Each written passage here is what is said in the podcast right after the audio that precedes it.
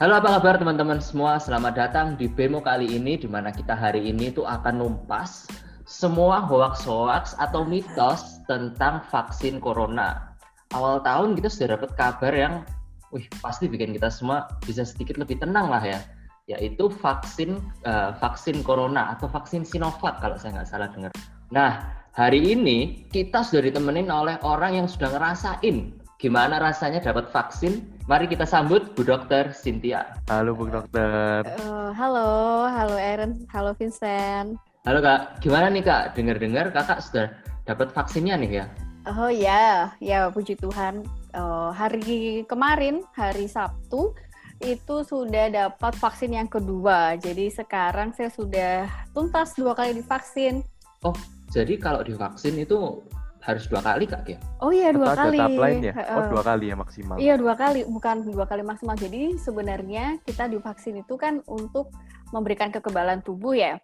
Nah kalau satu kali, tidak semua vaksin itu bisa satu kali. Jadi kemungkinan satu kali itu belum terbentuk pertahanan tubuh atau antibodinya. Makanya diperlukan dosis tambahan. Kalau misalkan teman-teman ingat waktu bayi dulu, waktu bayi dulu ingat nggak divaksin? Iya. Nah, itu kan tidak satu kali. Jadi ada waktu lahir divaksin, nanti beberapa bulan kemudian juga divaksin, begitu karena untuk meningkatkan sistem pertahanan tubuh kita melawan penyakit, kayak begitu. Jadi setelah vaksin ini kakak masih pakai masker apa enggak? Oh ya tentu jelas pakai ya, karena yang pertama uh, setelah divaksin ini kan antibodi tidak langsung terbentuk, butuh kira-kira perlindungan optimal itu setelah 28 hari setelah divaksin yang kedua. Jadi selama masa-masa itu ya masih sama kayak teman-teman yang lain, masih rentan untuk bisa terinfeksi COVID. Tetapi kalaupun nanti sudah terbentuk ya antibodi optimal, itu ya tetap harus pakai masker karena vaksin itu nggak mencegah 100% kita terhindar dari penyakit. Jadi masih ada chance untuk kita itu ketularan. Jadi ibaratnya vaksin itu adalah salah satu bentuk pertahanan yang lain. Kan kalau sebelumnya kita tahu ada 5M kan, mencuci tangan, memakai masker, kemudian menjaga jarak, menjauhi kerumunan, sama mengurangi mobilisasi. Nah, vaksin itu adalah salah satu tambahannya yang bisa kita lakukan untuk terhindar dari uh, eh, COVID-19. Jadi uh, satu aja tidak cukup, jadi tetap itu harus keseluruhan dilakukan. Jadi meskipun sudah divaksin, karena masih berpotensi untuk ketularan, ya tetap harus tetap melaksanakan uh, tindakan pencegahan yang lain. Hanya saja keuntungannya kalau sudah divaksin, kita itu kan sudah terbentuk ini ya antibodi dalam tubuhnya itu lebih uh, kurang beresiko untuk tertular dan kalaupun kita tertular itu tidak separah harapannya tidak separah kalau orang yang belum pernah divaksin. Jadi meskipun sudah divaksin sebenarnya kita tetap harus uh, ya tetap seperti biasa ya seperti tahun kemarin ya kak ya tetap pakai masker jaga jarak uh, karena uh, perlu waktu 28 hari benar kak ya? Ya sekitar 28 hari setelah divaksin yang kedua untuk antibodi di dalam tubuh kita itu bisa optimal. Berarti uh, gini, uh, Vincent kan pernah dengar ada berita nih, jadi kalau misalnya di bulan April itu benar-benar seluruh Indonesia dapat vaksin kak. Uh, hmm. Belum tahu ya ini benar apa enggak ya, tapi hmm, hmm, hmm. bulan April itu dapat vaksin semua. Nah hmm. pada saat dapat vaksin semua, andaikan nih ya, andaikan semua orang dapat vaksin, tapi sebenarnya belum bisa kembali normal itu kira-kira kapan sih kak kalau kayak gitu? Iya, seandainya April April itu semua sudah divaksin, itu tentu lebih bagus ya karena ketika banyak orang divaksin, kemungkinan kan lebih banyak orang yang terlindung sehingga penularan COVID itu bisa berkurang.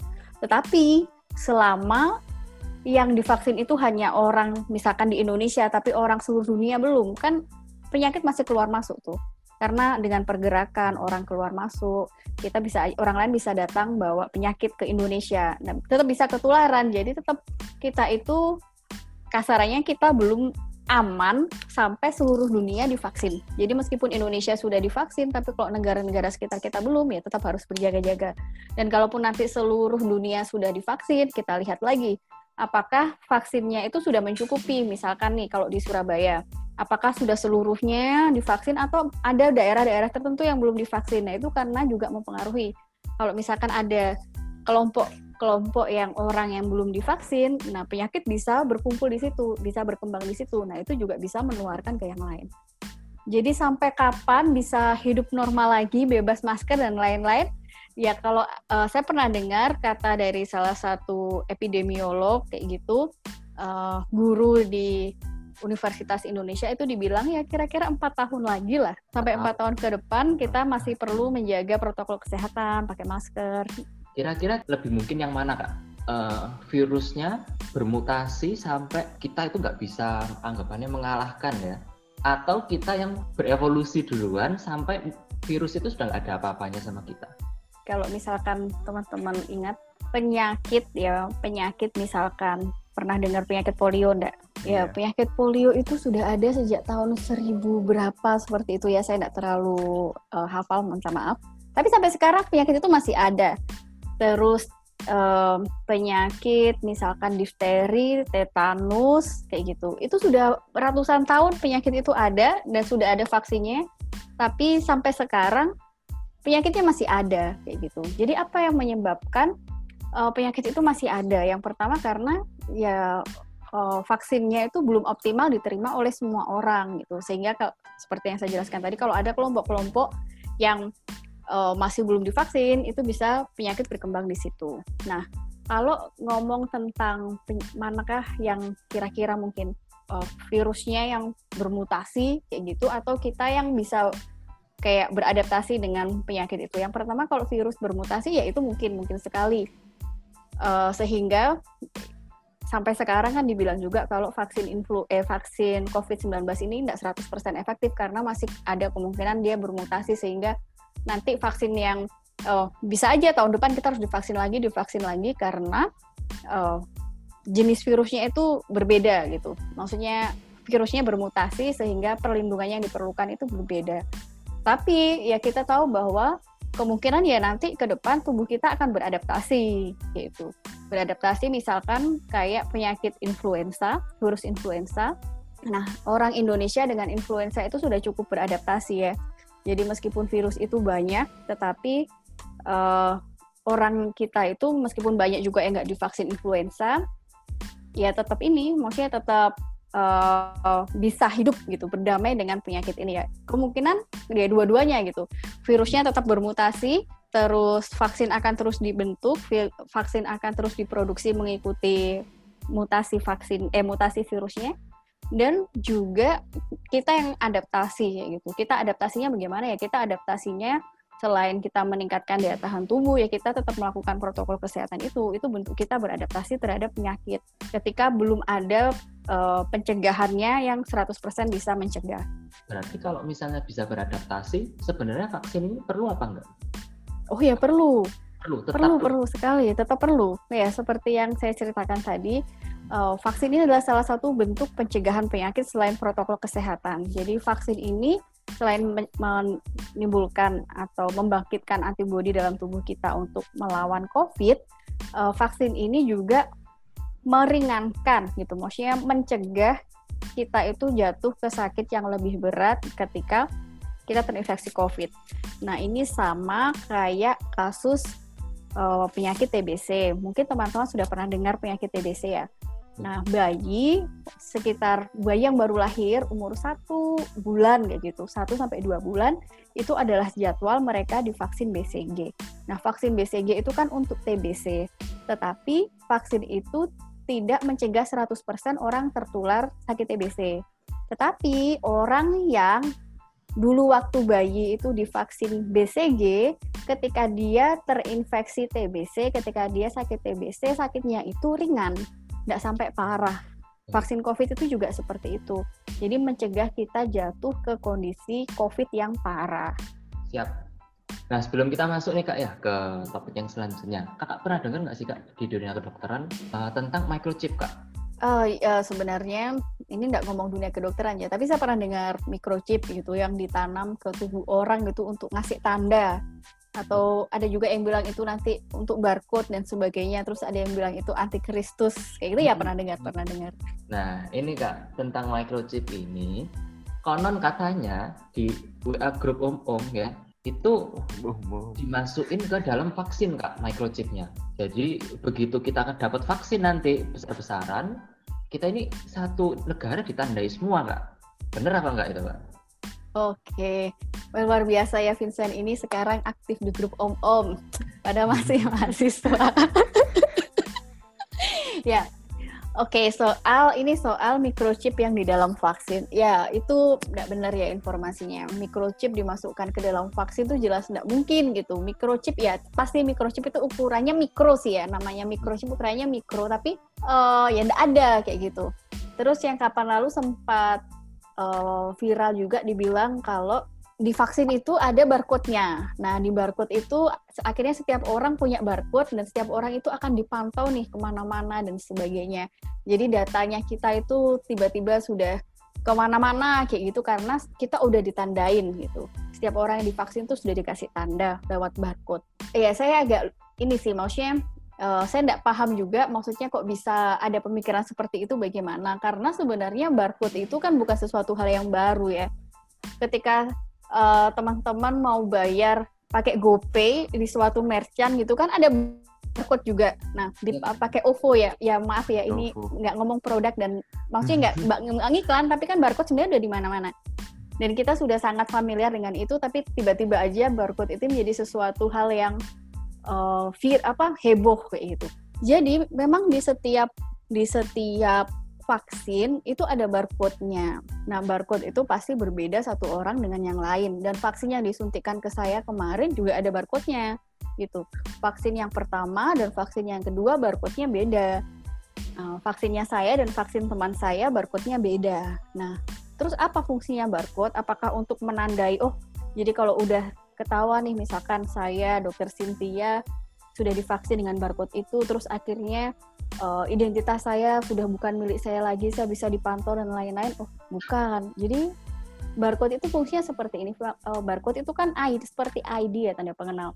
Jadi setiap vaksin dari pabrik itu memiliki kode unik. Nah, kode unik masing-masing yang uh, beda satu dengan yang lain. Nah, ketika vaksin itu disuntikan ke orang, nah orang lain itu akan mendapatkan uh, vaksin yang berkode itu.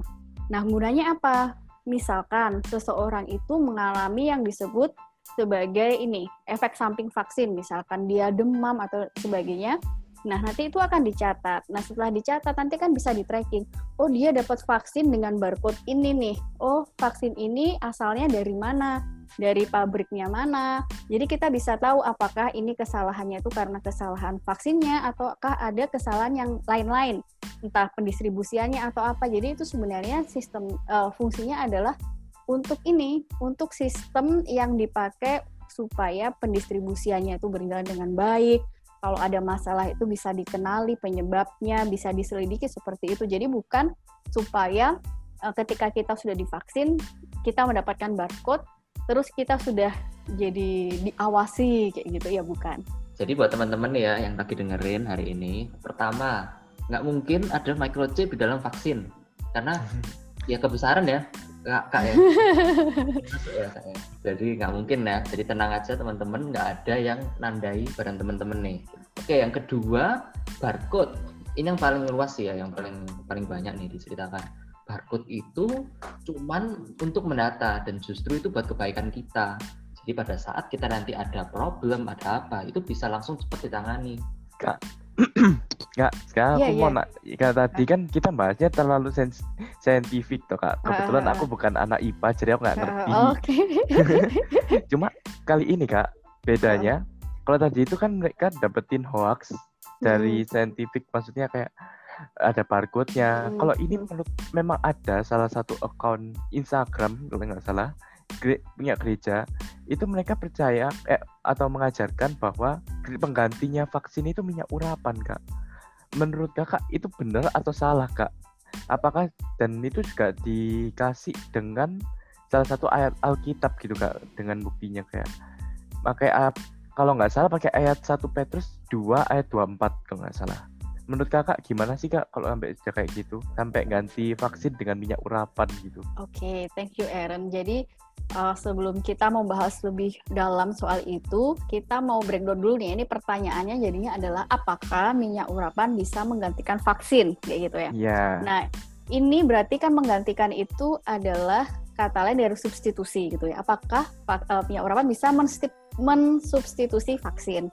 Nah, sekarang sebelum kita itu lebih dalam lagi membahas tentang apakah satu bisa menggantikan yang lain, kita harus membahas dari vaksinnya dulu nih. Gitu. Jadi sebenarnya apa sih vaksin dan bagaimana cara kerjanya supaya kita bisa tahu apakah minyak urapan nanti bisa menggantikan itu atau enggak. Gitu ya, mungkin sebaiknya ya. Iya. Oke. Nah, kayak gini dulu.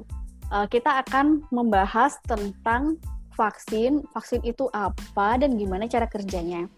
Nah, oke, jadi vaksin, vaksin itu kalau teman-teman tahu, vaksin itu adalah sesuatu ya, sesuatu zat yang dimasukkan ke dalam tubuh kita untuk membuat tubuh kita itu memberikan perlindungan terhadap suatu penyakit tertentu. Nah, untuk paham cara kerjanya, kita harus paham dulu cara kerja tubuh kita ketika menghadapi penyakit kayak gitu ya. Jadi kita akan uh, belajar basicnya dulu. Nah, jadi di sekitar kita itu kan banyak banget kuman nih. Di sekitar kita itu banyak banget kuman. Ada bakteri, ada virus, ada jamur di sekitar kita bahkan di tubuh kita gitu. Itu ada yang jahat, ada yang baik. Ketika tubuh kita itu lemah dan ada kasar dalam tanda kutip ya kayak kuman jahat itu masuk ke dalam tubuh kita, Nah, tubuh kita itu bisa menjadi sakit gitu, bahkan bisa menimbulkan kematian. Itu yang dilakukan yang terjadi dalam nah, apa yang terjadi dalam tubuh kita ketika kuman-kuman itu masuk gitu ya sebelum kita sakit atau sebelum kita sebelum seseorang itu sampai meninggal karena penyakit. Jadi begini, ketika suatu kuman itu bisa bentuknya bakteri, virus atau jamur itu masuk ke dalam tubuh kita, ada namanya pertahanan fisik itu pertahanan yang paling luar. Kita punya kulit, kulit kita ini menjaga loh sebenarnya menjaga supaya bakteri-bakteri yang jahat yang ada di sekitar kulit itu tidak masuk ke dalam tubuh kita dan kemudian menginfeksi. Nah, ketika pertahanan utama itu seperti kulit atau selaput lendir dan pertahanan fisik yang lain itu tidak bisa menangkal, nah tubuh kita itu kemudian merespon gitu, merespon dan mengaktifkan sistem kekebalan tubuh. Nah, sistem kekebalan tubuh itu cerita singkatnya seperti ini. Nah, kita anggapannya, kita anggap saja bahwa kuman kuman-kuman yang dari luar yang masuk itu adalah ini ya musuh kayak gitu, musuh yang ingin masuk dan melawan pertahanan tubuh kita. Nah, tubuh kita itu punya pertahanan yang namanya itu kayak tentara-tentaranya. Nah, ketika pertama kali kuman-kuman itu masuk, kayak gitu pertama kali kuman-kuman itu masuk nah tubuh kita itu akan mengeluarkan mengaktifkan sistem pertahanan tubuh ini untuk mengeliminasi atau mengeluarkan kuman-kuman sehingga kita tidak sampai sakit lebih lanjut. Nah uh, pada awal gitu pada masa awal seseorang itu terinfeksi ketika terinfeksi pertama kali respon tubuh terhadap penyakit itu lambat gitu karena tubuh itu anti uh, tubuh itu perlu mengenali itu penyakit apa sih, itu kuman apa sih, itu virus apa sih, itu harus dikenali dulu dan kemudian tubuh kita itu akan menciptakan suatu antibodi atau perlawanan itu yang pas gitu.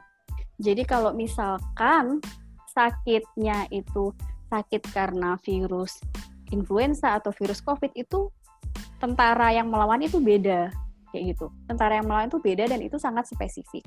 Nah, pada masa awal, pada masa awal um, pertama kali masuk itu kan masih mempelajari ya tubuh kita, mempelajari oh ini yang mana nih yang akan melawan kayak gitu. Terus misalnya itu sistem memori yang mengingat, oke okay, kalau kuman ini lagi masuk, nanti yang diaktifkan adalah tentara yang ini. Nah, ini misalkan ini yang pertama, kemudian yang kedua ketika penyakit itu sudah masuk, maka pertahanan tubuh kita itu akan cepat gitu. Nggak akan mikir lama-lama lagi karena ingatannya, memori dia terhadap penyakit itu masih ada, sehingga bekerjanya lebih baik untuk mengeliminasi penyakit tersebut. Nah, itu kasarannya adalah sistem pertahanan tubuh kita ketika menghadapi penyakit. Nah, vaksin itu kerjanya mirip-mirip kerjanya mirip-mirip karena vaksin sebenarnya itu meniru meniru uh, meniru kuman yang masuk ke dalam tubuh kita. Bedanya ketika kuman beneran itu masuk ke dalam tubuh kita, tubuh kita itu meresponinya itu dengan sangat berat, misalkan panas, kemudian radang kayak gitu. Nah, tapi kalau vaksin yang masuk karena vaksin ini adalah komponen dari kuman itu bisa aja kuman yang dilemahkan atau hanya bagian-bagian tertentu dari kuman maka respon atau reaksi tubuh terhadap penyakit buatan yang ditimbulkan oleh vaksin ini lebih ringan gitu. Nah, tetapi ketika dia itu bikin penyakit bohongan tapi ringan itu, tubuh kita tetap bisa memproduksi yang namanya ini, sel memori yang tadi. Sehingga ketika nanti suatu saat penyakit betulan itu masuk, sel memori ini sudah langsung aktif untuk lang untuk kemudian melawan si kuman yang masuk kayak gitu. Okay. Sampai di sini bingung nggak? ya kalau anak IPS pasti bingung sih. cuma pasti cuma secara list umum pasti paham lah orang-orang. Maksudnya kan intinya vaksin, gunanya vaksin ini memang untuk menjaga kekebalan tubuh kita dan dan sebagainya lah. ya gitu. Jadi vaksin ini adalah meniru meniru penyakit uh, yang asli gitu dengan mengambil komponen-komponennya dimasukkan ke dalam tubuh kita untuk membangkitkan sistem kekebalan tubuh kita sehingga ketika penyakit asli itu datang tubuh kita tuh merespon lebih cepat sehingga tidak perlu sampai sakit, tidak perlu sampai demam dan sebagainya. Nah itu secara singkat seperti itu. Jadi vaksin itu ingin meniru penyakit untuk mengaktifkan sistem kekebalan tubuh kita. Nah itu kan tadi fungsi vaksin seperti itu ya. Jadi vaksin dimasukkan ke dalam tubuh kita supaya tubuh kita itu memproduksi antibodi atau kekebalan tubuh yang bisa melawan kuman. Nah, sekarang kalau dihubungkan dengan minyak urapan, apakah minyak urapan ini bisa menggantikan vaksin? Nah, sekarang eh, apa itu minyak urapan? Nah, tadi saya itu iseng-iseng gitu, cari minyak urapan ternyata ketika muncul di satu marketplace itu ada loh dijual minyak urapan itu 8.000 per 5 mili. Saya nggak tahu apakah minyak urapan ini yang dimaksud, uh, tapi sepertinya ketika saya mencoba menyambungkan gitu loh ya, apakah minyak urapan bisa meng, uh, menggantikan vaksin? Nah kita bisa kembali lagi itu ke Alkitab saja. Apa yang dibilang Alkitab soal minyak urapan? Nah kalau kita membaca di Alkitab uh, kita sering kali mendengar minyak gitu. Jadi di perjanjian lama dan di perjanjian baru kita itu sering sekali mendengar minyak. Jadi minyak ketika dalam zaman perjanjian lama itu dipakai untuk uh, ini uh, minyak urapan. Minyak itu dipakai untuk mentahbiskan raja, untuk mentahbiskan uh, mengurapi Imam Harun dan anak-anaknya, kemudian mengkuduskan barang-barang itu dengan minyak. Kemudian di perjanjian baru kita juga membaca ada berbagai jenis minyak gitu. Kayak minyak uh, minyak narwastu, kemudian minyak zaitun kayak gitu. Bahkan kita juga membaca kalau teman-teman baca di kitab Yakobus itu ada minyak yang dipakai dan diminta pada waktu itu diminta untuk mengoleskan minyak ini dan mendoakan supaya orang itu sembuh. Nah, jadi kalau kita lihat sebenarnya di Alkitab itu sangat dekat dengan minyak gitu ya. Minyak itu menjadi hal yang sangat dekat dengan kehidupan orang-orang. Nah, tetapi apakah sebenarnya maksud minyak itu sendiri gitu? Kalau tadi ini kita lihat apakah bisa menggantikan itu berarti mungkin dalam konteks bahwa minyak itu apakah menyembuhkan. Yeah. Jadi kalau teman-teman baca di Yakobus pasal 5 ayat 14, nah kita tuh akan melihat bahwa uh, penatua-penatua itu meminta supaya orang-orang yang sakit, jika ada orang yang sakit, itu harus didoakan dan diolesi dengan minyak dalam nama Tuhan Yesus. Nah, pasti harapannya supaya sembuh ya. Nah, sekarang kalau kita melihat lagi, apakah sebenarnya minyak itu yang membawa kesembuhan? Pasti bukan. Pasti yang kita tahu yang membawa kesembuhan itu bukan minyaknya, tetapi doa di dalam nama Tuhan Yesus. Benar kan ya? Benar. Nah, minyak itu hanya salah satu media yang ketika itu dipakai kayak gitu. Jadi ketika Anda ada minyak, ya bisa pakai media yang lain. Jadi minyak ini hanyalah media untuk kemudian ketika mendoakan seseorang itu dipakai. Nah, fungsinya minyak itu untuk apa? Nah, ketika saya baca-baca, fungsinya ini adalah untuk membawa orang ke dalam iman di dalam Tuhan Yesus, kayak gitu. Jadi mungkin orang petobat baru itu seperti kayak tanda supaya orang-orang itu uh, beriman kepada Tuhan. Dan ini bukan minyak urapan, ini minyak ini minyak yang lain dan bahkan uh, kalau teman-teman baca di artikel itu malah lebih seperti balsam kayak gitu. Bukan minyak dan ini bukan minyak urapan. Nah, kalau memang ya kalau memang minyak ini yang dimaksud ya tentu saja minyak ini tidak menyembuhkan. Yang menyembuhkan adalah kuasa Tuhan Yesus sendiri. Jika Tuhan Yesus menginginkan seseorang sembuh, ya pasti akan sembuh karena kuasa Tuhanlah yang mengizinkan seseorang sembuh atau tidak. Jadi yang dari sini kita tahu bahwa uh, minyak urapan itu tidak menyembuhkan, tapi yang menyembuhkan adalah Tuhan Yesus sendiri. Tetapi Alkitab juga tidak melarang jika teman-teman mau memakai minyak untuk mendoakan. Ya nggak apa-apa, tapi ingat imannya itu bukan di minyak, tetapi imannya itu di dalam Tuhan Yesus. Jangan sampai keliru gitu. Imannya ke minyaknya, bukan kepada Tuhan. Sekarang, apakah minyak urapan ini, atau bukan minyak urapan ini, apakah minyak ini bisa menggantikan vaksin?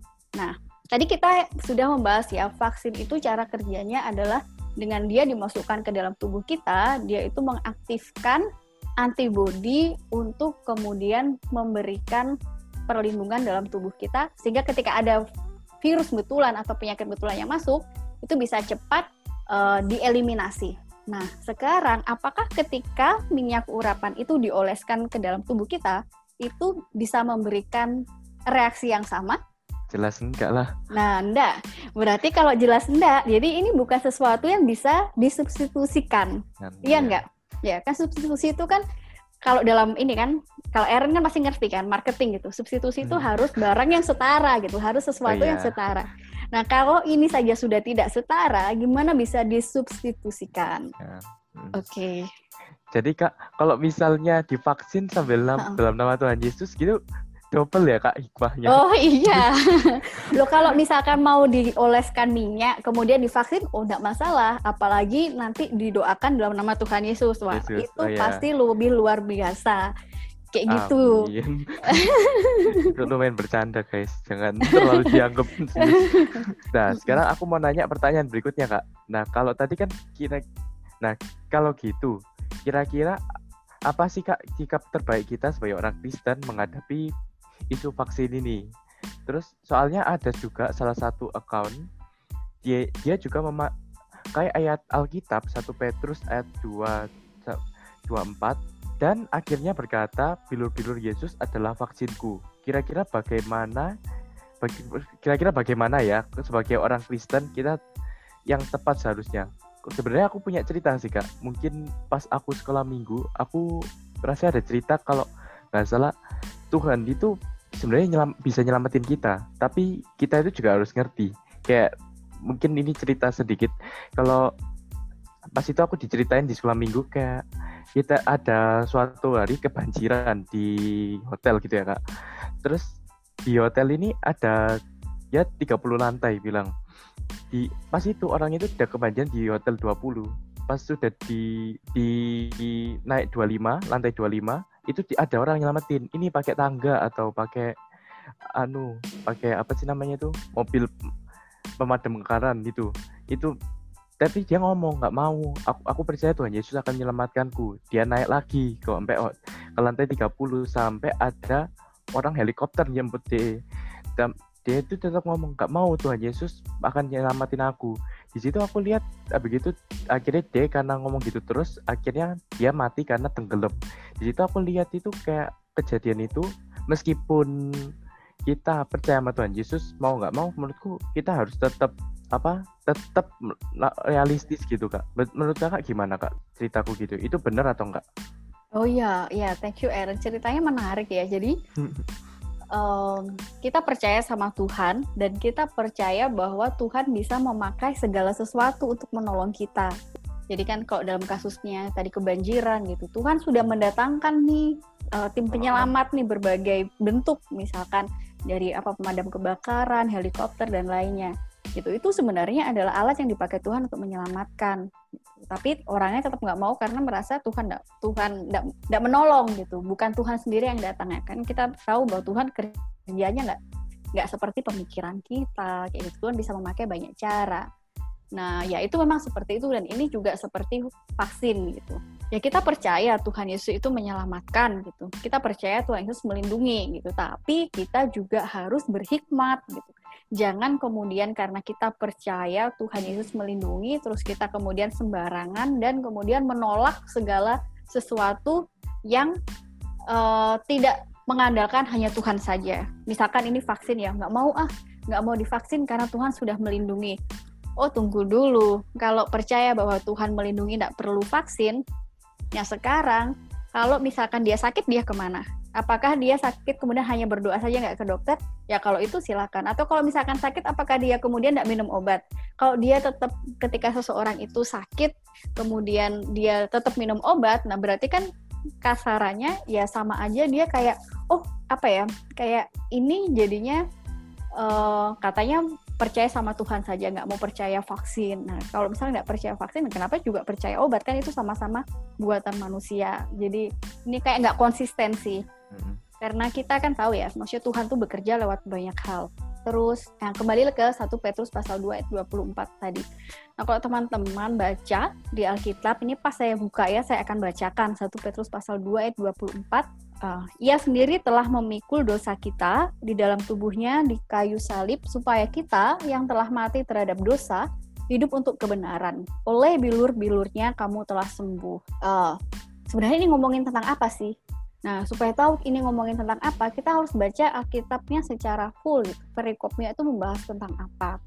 Nah, kalau teman-teman lihat, bagian Alkitab yang ini itu membahas tentang penderitaan Kristus sebagai teladan bagi kita bagaimana kita harus meniru Tuhan Yesus yang rela menderita, yang dia yang tidak berdosa, yang tidak membalas ketika dicaci, kemudian saat menderita tidak mengancam, bahkan Tuhan Yesus yang turut memikul dosa kita. Jadi kalau kita perhatikan baik-baik, kita akan tahu bahwa ayat ini secara khusus sebenarnya berbicara tentang dosa. Oleh kematian Kristus di kayu salib, kita telah sembuh dari penyakit dosa. Gitu. Bilur atau luka Tuhan Yesus di kayu salib itu, itulah yang memulihkan kita dari dosa. Sebenarnya kemarin saya sempat baca itu ada satu akun Instagram yang tentang hal ini, tentang dia ngomong uh, ini sembuh. Nah kalau sembuh itu kan uh, kalau sembuh itu artinya dari penyakit fisik gitu. Kalau misalkan dibilang oleh bilur-bilurnya kamu uh, menjadi suci, nah itu baru tentang dosa. Tapi kalau sembuh itu ngomong fisik. Nah mungkin uh, yang mengatakan itu uh, saya tidak tahu ya saya tidak terlalu tidak berani menghakimi apakah dia cuma mengambil sedikit atau gimana tapi kalau kita lihat sebenarnya kata sembuh ini kalau teman-teman baca dari bahasa aslinya itu artinya bisa tiga hal gitu. Kata sembuh ini itu bisa artinya itu sembuh dari ini sembuh dari penyakit fisik gitu kayak to heal kayak gitu. Dari betul-betul pulih kayak gitu. Tetapi bisa juga sembuh ini berarti adalah sembuh dari penyakit fisik. Nah tetapi kan ini tidak melulu tentang fisik ya ini juga bisa tentang dosa. Jadi ketika seseorang dipulihkan dari dosa iya dia disebut juga sembuh. Nah ketika kita membaca Alkitab itu kan kita harus melihat konteks. Ketika konteks ini adalah ngomong tentang dosa berarti kita nggak boleh menarik uh, konteks ini ke konteks yang lain penyakit fisik. Nah, tidak nyambung kan.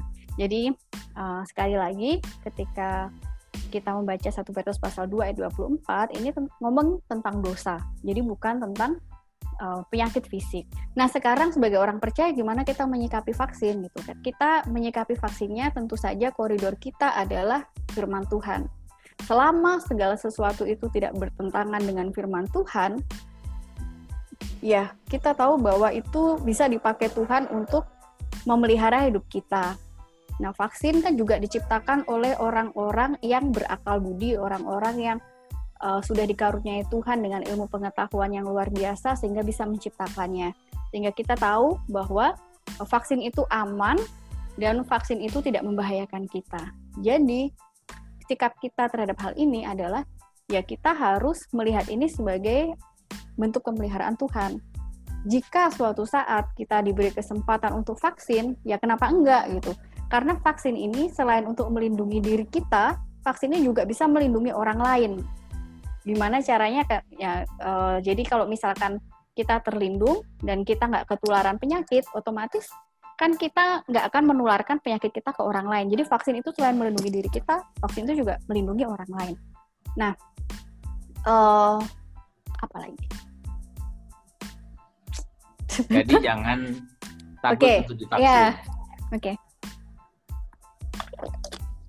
Ya, jadi kalau sudah ada kesempatan kita divaksin, ya jangan takut divaksin. Kalau memang teman-teman itu nggak ada kondisi khusus yang menyebabkan tidak boleh divaksin, misalkan uh, kondisi penyakit-penyakit tertentu seperti yang sudah sering kita baca dan teman-teman itu berhak mendapatkannya, ya kenapa enggak gitu.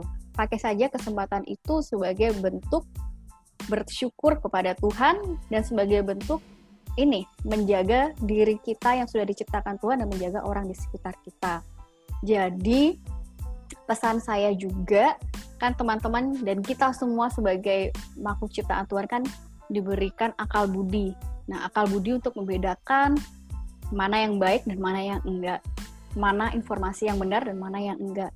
Jadi kalau mendengarkan sesuatu, mendapatkan suatu info, ya jangan terburu-buru kemudian, oh apa nih, apa nih, terus disebarkan ke mana-mana menimbulkan kebingungan. Nah jangan seperti itu. Sebagai orang percaya, ya kita harus meneliti nih, apakah informasi yang kita terima itu udah benar atau belum. Gitu. Kalau misalkan nggak tahu, kita bisa cek kok. Misalkan kalau hoax-hoax itu kan kita bisa cek di websitenya Kominfo atau kita cari aja di Google gitu. Misalkan uh, vaksin menimbulkan kemandulan, hoax. Nah, nanti akan muncul nih beritanya. Nah, itu adalah salah satu cara yang bisa kita lakukan untuk mencegah supaya berita-berita yang tidak benar ini nggak semakin tersebar. Dan itu adalah bentuk juga uh, akal budi yang sudah Tuhan berikan kepada kita untuk kita memilah-milah informasi mana yang benar, mana yang enggak. Jadi kayak gitu ya. Jadi kita sebagai umat percaya, anak Tuhan, kita harusnya lebih hati-hati, lebih ini, lebih peka dan tidak sembarangan membagikan sesuatu yang nggak benar supaya orang-orang di sekitar kita yang mendapatkan berita itu nggak tambah bingung dengan apa yang kita bagikan kepada mereka. Oke, jadi kesimpulan singkat pada hari ini yang dari podcast pada ini, jadi kita sebagai orang Kristen tidak bu, tidak usah takut divaksin karena memang untuk kekebalan tubuh kita dan kegunaan kita masing-masing.